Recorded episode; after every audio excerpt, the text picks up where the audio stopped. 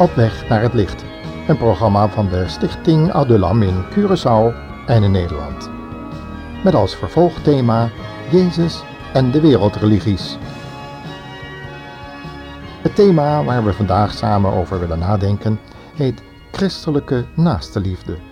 Oftewel de prediking van het heil in Christus.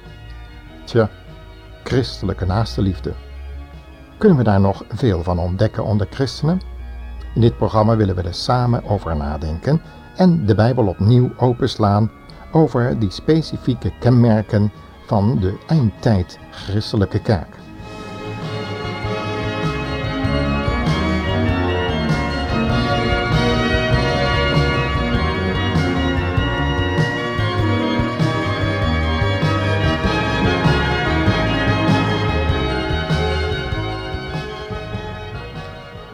In ons vorige programma citeerden we een nogal belangwekkende tekst uit Hebreeën 10. Veel predikers durven zich niet te wagen aan de uitleg van deze tekst. Laat staan voorlezen. We constateerden hierbij dat zo'n schokkende boodschap in deze tijd van schijnbaar religieuze verdraagzaamheid heel moeilijk is te brengen. Want als je hem brengt, ben je, loop je gevaar om in moeilijkheden te komen en confrontaties met andere religies, die veel verdraagzamer vaak zijn, uh, zeker te krijgen. Maar laten we het laatste gedeelte van die tekst uit Hebreeën 10 nog eens lezen. Het luidde zo: Als wij willens en wetens blijven zondigen, is er geen offer meer over om onze zonden weg te doen. Het enige wat ons dan nog te wachten staat, is een vreselijk oordeel. Want God zal al zijn tegenstanders in een laaiend vuur verbranden.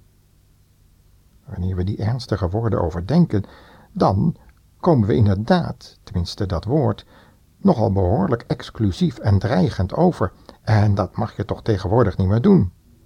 Toch zien we dat er overal moskeeën gebouwd worden, en in het Europa van tegenwoordig, dan is er zoveel vrijheid van godsdienst, dat rustig bepaalde aanhangers van religies rustig kunnen dreigen met datgene wat in feite ook bij de islam centraal staat. De kerstening, of beter gezegd de islamitisering van de gehele wereld, dat staat trouwens ook zo in de Koran. En daar waar er zoveel vrijheid is om moskees te bouwen in, laten we zeggen, het christelijk Europa, als dat nog christelijk is, zoveel, zo weinig is het mogelijk om in de islamitische landen dat te doen. Het is natuurlijk een beetje generaliserend gezegd, zeker vanuit het Europa van tegenwoordig, want daar wordt weer hele andere manieren van beleving van de allerlei wereldgodsdiensten uh, tentoongesteld. Maar toch, we moeten het toch een keer durven zeggen, ook in een radioprogramma. Hoe neutraal we ons ook normaal gesproken willen opstellen. De Bijbel is wat dat betreft nogal exclusief. En wanneer andere wereldreligies ook een beetje dreigend over kunnen komen in hun leerstellingen, de Bijbel niet minder.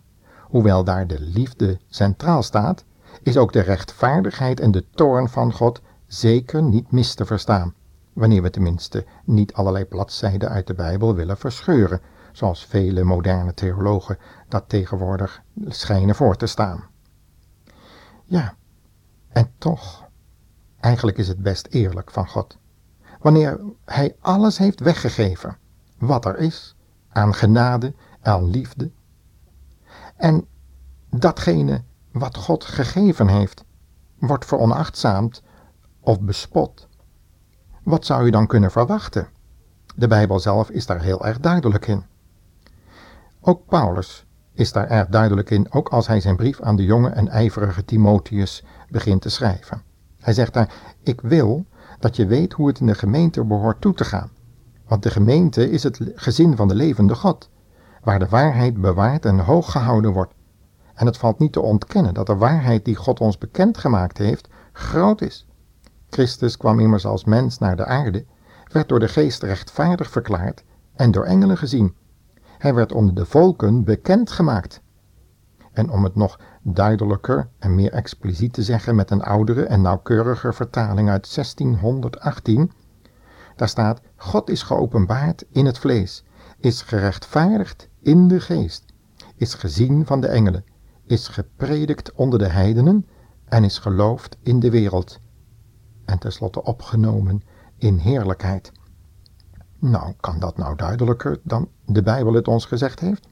Is er buiten de Heer Jezus Christus het lam van Gods zaligheid, redding, zoals vele wereldreligies willen doen geloven, dat er vele wegen naar de hemel zijn en allemaal tenslotte de hele wereld behouden wordt, welke godsdienst die ook aanhangt?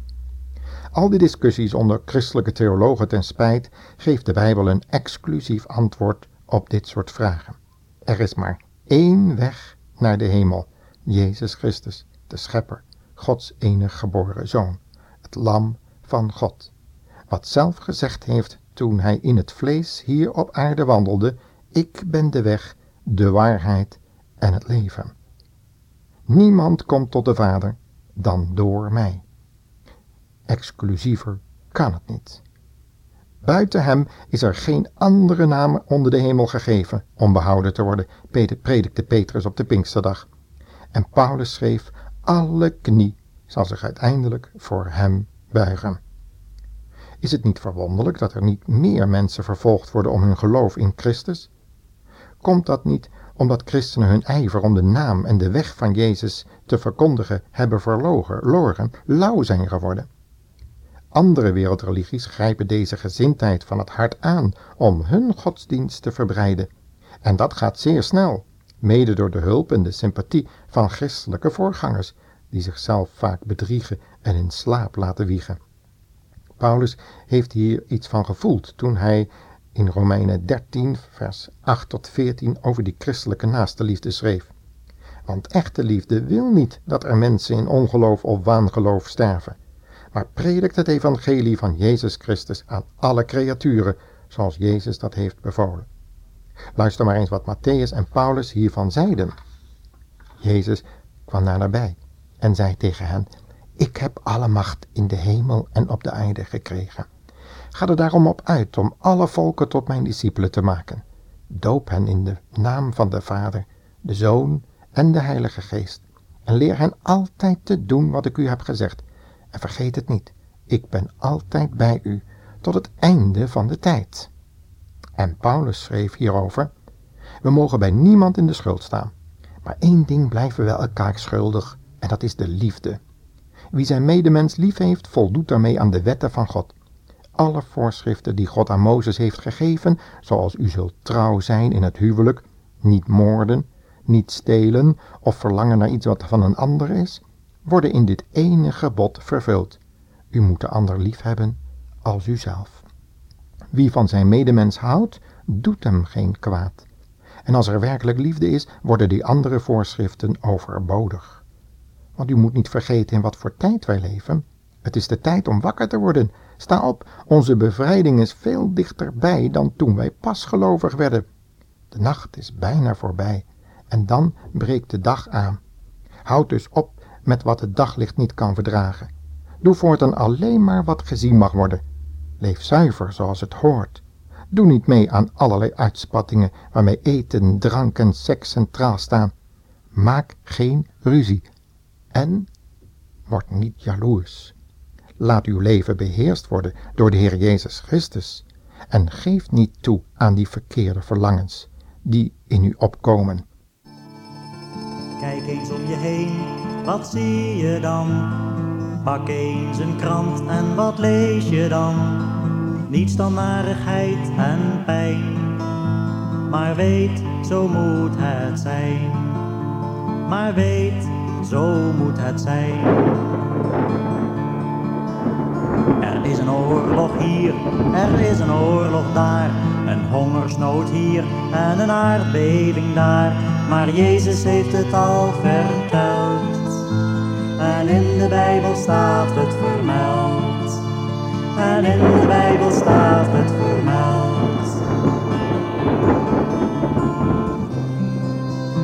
Want gelijk de bliksem komt van het oosten en licht tot in het westen, zo zal de komst van de Zoon des Mensen zijn.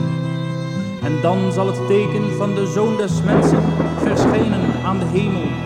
En dan zullen alle stammen der aarde zich op de borst slaan. En zij zullen de Zoon des Mensen zien komen op de wolken des hemels met kracht en grote heerlijkheid. Waakt dan, want gij weet niet op welke uren uw Heere komt.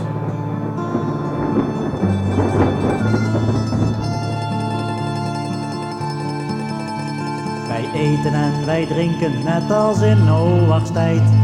Niemand die geloofde van die regentijd. Heus, het zal niet lang meer duren. Dit zijn de laatste uren. Dit zijn de laatste uren.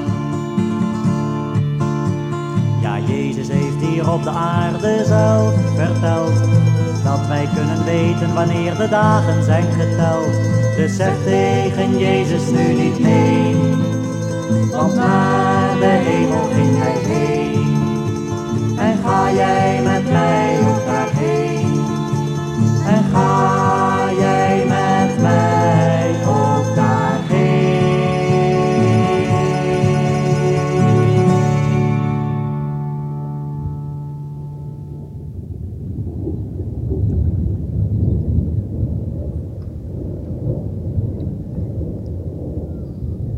Beste luisteraar, misschien duizelt u omdat de Bijbel zo radicaal en onverdraagzaam overkomt in verband met andere religies.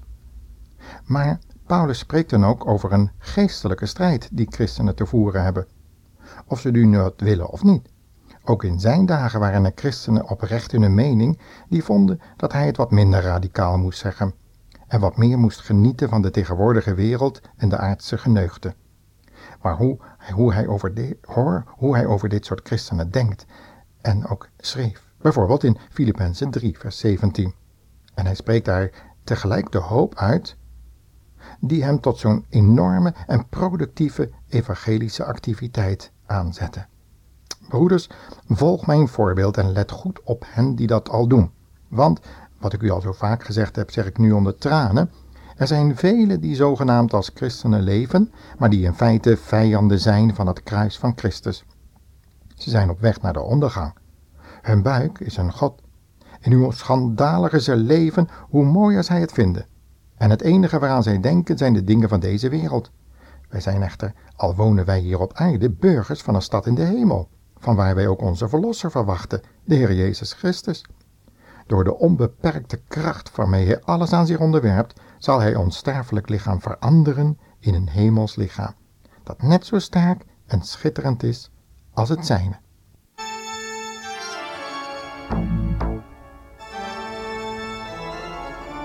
Tja, wanneer we zijn activiteit in het licht van de eeuwigheid bezien, dan komen we voor een beslissing te staan. En wat zullen we nu kiezen? De God van deze wereld, die ons goud, zilver, roem en succes belooft? Of het kruis van Christus en de verachting van de mensen in deze tegenwoordige nieuwe eeuw, nieuw tijdperk?